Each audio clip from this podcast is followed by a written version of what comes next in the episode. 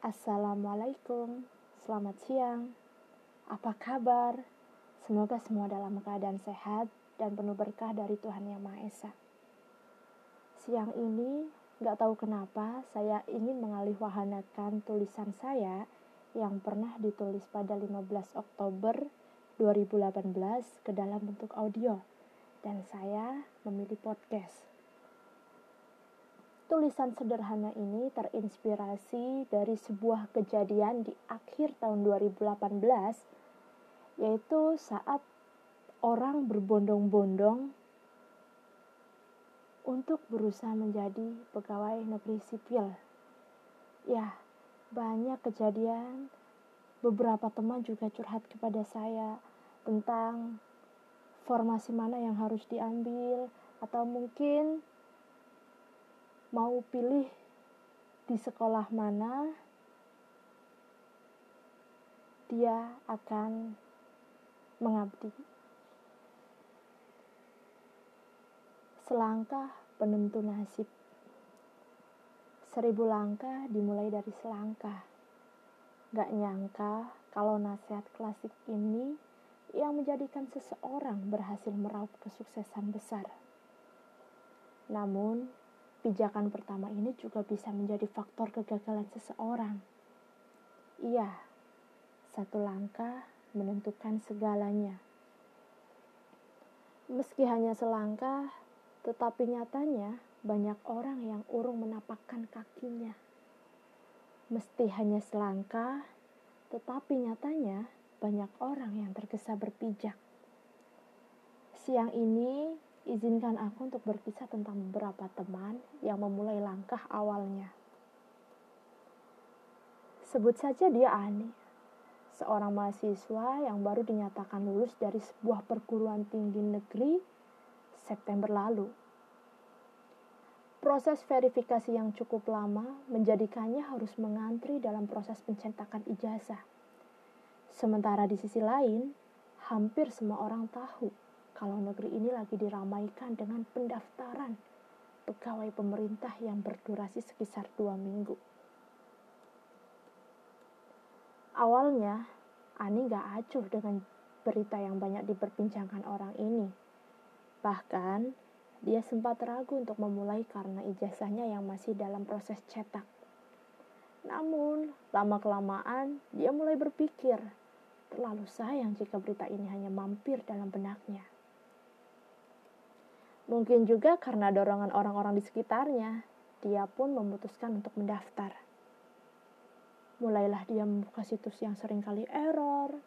Pada hari-hari pertama pendaftaran dibuka, bertanya-tanya tentang lembaga atau instansi yang membutuhkan pegawai yang sesuai dengan jurusannya, mengurus berkas yang harus dikirim ke lembaga atau instansi pilihannya, serta bolak-balik menemui petugas rektorat untuk menanyakan kapan ijazah jadi. Karena keputusan yang dipilihnya mendadak, maka ia harus bergerak cepat dan tepat. Lain lagi dengan cerita si Ina, yang memang dari awal berniat untuk mendaftar. Meski begitu, dia tetap merasa bingung selama proses pendaftaran. Banyaknya pelamarlah yang menyebabkan dia makin hari makin resah. Di tempat dia tinggal memang membutuhkan formasi yang sesuai dengan jurusannya tetapi pendaftarnya membludak. Sementara di daerah lain lebih sedikit pesaingnya. Keresahannya tak berujung, sedangkan pendaftaran akan segera ditutup. Kegalauannya merupakan hal yang wajar jika masih dalam batasan tentunya. Dalam menentukan langkah, seseorang memang perlu menimbang baik buruknya. Namun, jika berlarut-larut sehingga menjadikannya takut melangkah, tentu ini bukanlah hal yang baik. Berbeda dengan cerita si Inu, yang sudah mencetak kartu pendaftaran sejak minggu pertama bulan Oktober. Dia merasa percaya diri dengan pilihannya, meski jumlah pesaingnya mencapai belasan ribu orang. Seakan gak peduli dengan orang-orang yang bersiap untuk menyingkirkannya dia nggak mempersiapkan diri alias belajar. Dengan dalih kalau udah rezeki nggak akan ke mana kok. Rezeki memang gak akan tertukar. Artinya apa yang telah ditakdirkan untuk seseorang maka akan sampai kepadanya. Namun bukan berarti nggak ada usaha. Leye-leye menunggu takdir menyapanya apa yang dialami teman-temanku tentu juga pernah kualami mungkin juga setiap orang pernah mengalaminya. Takut, was-was, dan tergesa merupakan celah musuh nyata untuk menurunkan keimanan kita. Rasa ini hanya bisa dilawan jika kita segera berlindung kepadanya, baik lewat doa, zikir, maupun salat istiharah. Musyawarah dengan orang yang ahli dan bijak juga bisa membantu kita dalam menurunkan tingkat kecemasan. Semoga Allah menghilangkan ketakutan, kecemasan, dan ketergesaan dalam diri kita. Kemudian menggantinya dengan keyakinan, ketenangan, dan ketentuan yang terbaik. Kemudian ciri berita yang kedua apa? Ah? Iya, faktual itu berarti bagaimana? Informasi benar-benar terjadi dan dapat ditelusuri kebenarannya. Iya, informasinya harus benar-benar terjadi dan dapat ditelusuri kebenarannya. Jadi dia itu bersifat fakta, bersifat kenyataan. Kira-kira nih, kalau berita tersebut sifatnya berita bohong, berita yang istilahnya apa ya? Kalau istilah sekarang berita bohong namanya apa? Hoax. iya hoax gitu kan. Ah, itu bukan berita. Subhanallah. Apa? kenapa Jatuh. hati-hati dong. Ah, ya jadi kalau hoax itu bukan berita sebenarnya. Ah, itu hanya usil-usilan seseorang aja untuk gimana ya mencari perhatian atau menarik perhatian orang lain gitu kan. Biar Biar kalau dalam membaca. berita itu iya biar baca. Dan biasanya berita hoax itu beritanya lebih ke arah negatif. Negatif. Karena biasanya orang itu lebih kepo sama sesuatu yang negatif. Iya atau Hmm. tidak? Iya. Ah, kalau sesuatu yang positif itu kurang kurang kurang. Gimana? Nggak tahu. Ibu juga nggak tahu. Padahal dari sesuatu yang positif kita kan bisa belajar banyak tapi kenyataannya banyak orang yang lebih tertarik dengan sesuatu yang bersifat negatif. Ah, hoax itu bukan berita karena sifatnya negatif. bohong. Iya bohong lah intinya. Bohong tidak dapat ditelusuri kebenarannya. Sementara kita tahu bahwa sifat berita adalah faktual atau benar-benar terjadi bisa ditelusuri kebenarannya. Selanjutnya. Ah peristiwa menarik. Iya. Sifat berita yang berikutnya adalah peristiwa yang menarik. Maksudnya menarik bagaimana? Bukan peristiwa sehari-hari yang dilakukan atau dialami banyak orang. Iya, jadi berita itu bukan peristiwa sehari-hari atau yang banyak dilakukan banyak orang. Nah, misalnya peristiwa sehari-hari, kamu mau berangkat sekolah, Ya, itu sehari-hari itu setiap hari berangkat itu perlu diberitakan atau tidak? Tidak perlu, kecuali kalau masa sekarang ini kan lagi masa pandemi, udah libur lama, kemudian tiba-tiba berangkat sekolah. Itu adalah sesuatu yang bisa menjadi menarik, bisa diberitakan. Setelah libur selama kurang lebih empat bulan, siswi, siswa-siswi SMP dan SMA semua jenjang akhirnya diberangkatkan kembali. Adapun keberangkatannya bergantung dari zona masing-masing daerah. Kalau zona hijau bisa berangkat gitu kan. Kalau zona kuning apalagi aturannya. Zona merah apa? ini tanggal berapa? Ini tanggal berapa ya? 22, 22. Begitu. Jadi harus yang bersifat menarik, bukan peristiwa sehari-hari. Kalau peristiwa sehari-hari, apanya yang menarik? Ya enggak? Dan juga bukan peristiwa yang dialami oleh banyak orang.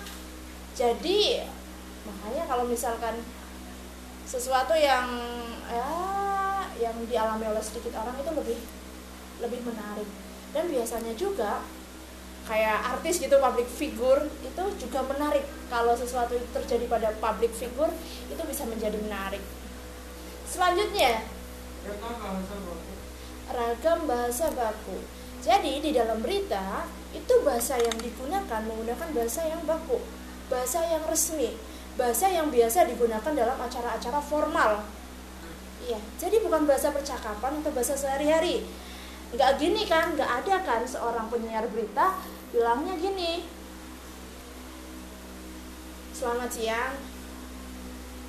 Ah, jadi gue baru dengar kabar kalau sekolah ini sudah berangkat sekolah, eh sudah mulai berangkat. Itu nggak baku. Iya, itu nggak boleh. Masa pakai kue gitu kan? Nggak. Jadi kalau berita, penyiar berita harus menggunakan bahasa yang baku, bahasa yang resmi, bahasa yang kata-katanya itu ada di dalam KBBI. Nggak pakai gue loh, nggak pakai bahasa percakapan gitu kan? Seperti itu. Paham? Jadi tadi apa saja sifat-sifat berita? Yang pertama, ah, bersifat aktual atau terkini. Yang kedua, faktual atau benar-benar terjadi. Peristiwa. Ah, terus yang ketiga, peristiwa menarik ah, yang tidak dialami banyak orang juga bukan peristiwa sehari-hari. Selanjutnya, ragam bahasa baku ada empat saja.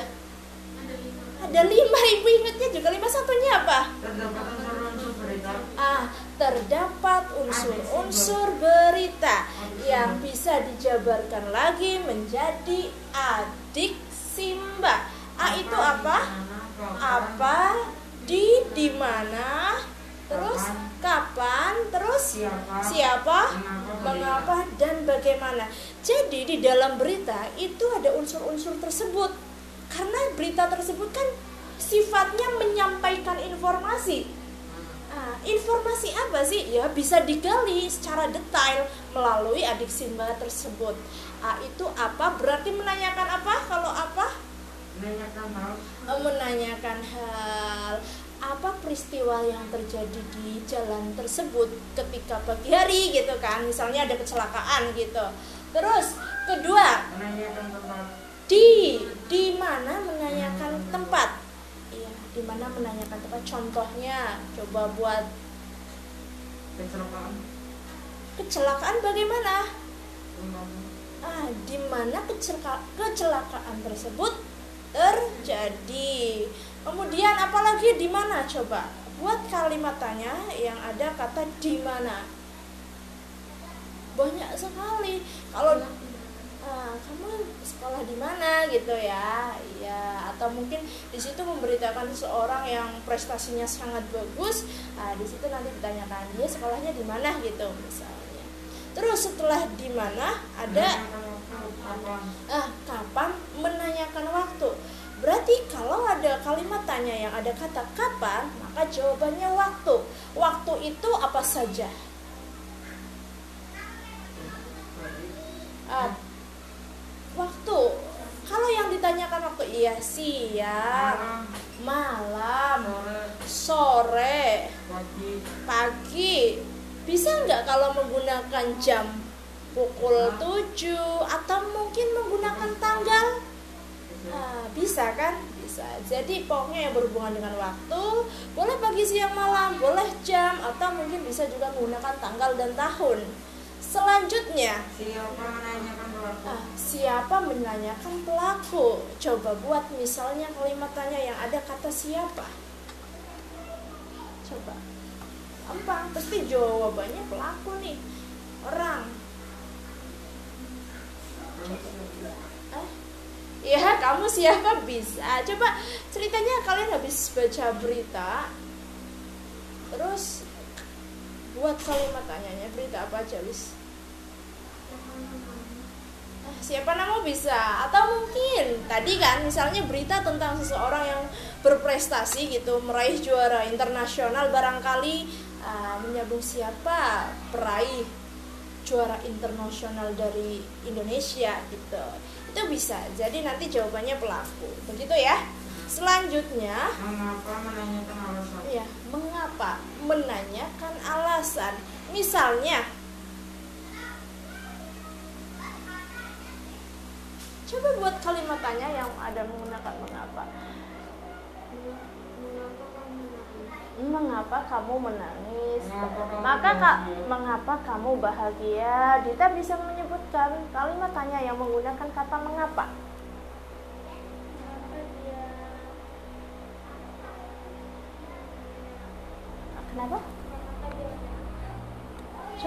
maaf ibu. Mungkin karena tertutup masker jadi ibu kurang mendengar. Mengapa dia apa? Ah mengapa dia menyenangkan? Maka kata mengapa jawabannya apa? Karena. Karena menanyakan alasan mengapa kamu menangis? Karena tadi? Iya, mengapa kamu marah? Ya, misalnya kenapa mengapa kamu menangis? Karena tadi saya habis dimarahin ibu, nggak ikut bantu-bantu ngerjain pekerjaan rumah. Nah, itu kan bisa akhirnya sedih, padahal salah sendiri kan. Ah, terus mengapa kamu bahagia? Iya, tadi pas mau berangkat les, saya ketemu sama seseorang yang membuat hati saya berdebar kencang misalnya gitu ya terus berdebar kencang itu misalnya ketemu pak guru bu guru kan seneng seneng seneng takut gitu seneng seneng malu terus mengapa kamu menyenang mengapa dia menyenangkan? Ah, mungkin dia menyen mengapa dia menyenangkan? gitu ya. Iya kan? Mengapa dia menyenangkan? Ya karena dia memiliki pikiran yang terbuka. Ketika diajak ngobrol nyambung gitu kan. Juga ketika saya ngobrol dengannya tidak ada perasaan terhakimi gitu. Kan jadi menyenangkan kalau misal bertemu dengan seorang yang karakternya seperti itu mengapa terus yang terakhir bagaimana ya bagaimana menanyakan proses atau cara coba buat kalimatannya yang menggunakan kata bagaimana Bagaimana kabarmu? Iya, bagaimana kabarmu? Kabarku baik-baik saja gitu. Terus coba lagi bagaimana? Bagaimana cara mengerjakan soal ini? Iya. Ya, bagaimana mengerjakan soal ini? Berarti nanti itu dijawab nih langkah-langkahnya, prosesnya bagaimana? Mungkin dengan cara membacanya secara cermat terlebih dahulu. Kemudian ident apa maksudnya kayak temukan apa poin-poin pentingnya apa begitu dan seterusnya jadi itu adalah menjelaskan cara atau proses eh, men- menjelaskan proses langkah-langkah terus ada lagi bagaimana sudah selesai ada enam ya faktual aktual menarik terus li- lima ya ragam bahasa baku dan terdapat unsur-unsur berita. Iya, unsur-unsurnya tadi. Adiksi, Mbak. Apa, di mana, kapan, siapa, mengapa, bagaimana. Begitu. Jadi nanti di dalam sebuah berita kan terdapat informasi. Nah, kalian bisa telusuri atau cari secara detail informasi tersebut menggunakan unsur-unsur tersebut. Jadi kalian buat kalimat tanyanya lah yang menggunakan adik sumber tersebut. Nanti terkumpul, terkumpul informasinya secara detail. Paham? Nah, terus sebagai tambahan, kalau di dalam eh maksudnya kalau surat kabar itu kan terbit setiap hari, ya enggak? Setiap hari itu padahal setiap hari itu setiap surat kabar agak tebel kan? Kayaknya kalau baca semuanya waktunya nggak ada. Nah, untuk itu di dalam berita biasanya di dalam eh di atas di bagian headline bagian paling atas itu udah memuat ke seluruhan isi berita. Walaupun memang kalau mau lebih detail lagi maka harus membacanya secara utuh. Jadi kalau kita mau baca berita sementara waktu kita uh, sempit gitu, baca di bagian awalnya saja itu udah ada gambaran isi beritanya. Begitu, paham? Nah, ada yang mau ditanyakan? Bintang biasanya bertanya, enggak. Baik. Setelah ini ibu berarti uh, mau menjelaskan materi tentang struktur dan ciri kebahasaan teks berita. Ibu ulangi lagi bahwa setiap teks memiliki ciri-ciri yang berbeda. Jadi ketika kita sudah mempelajari ciri-ciri setiap teks, harapannya kita bisa membedakan antara teks yang satu dan teks yang lain. Kemudian ketika membacanya, oh tahu nih, oh ini teks berita, oh ini teks puisi oh ini teks drama. Udah tahu. Begitu juga ketika kita akan menulis teks tersebut. Misalnya kalian nih pengen nulis suka nulis kan? Ah aku mau nulis sesuatu. Gimana ya? Mau dijadiin teks apa ya? Teks berita kah? Teks cerita kah? Atau teks drama kah? Bergantung. Begitu kan? Karena memang setiap kisah setiap kejadian itu bisa dijadikan sebuah cerita. Ya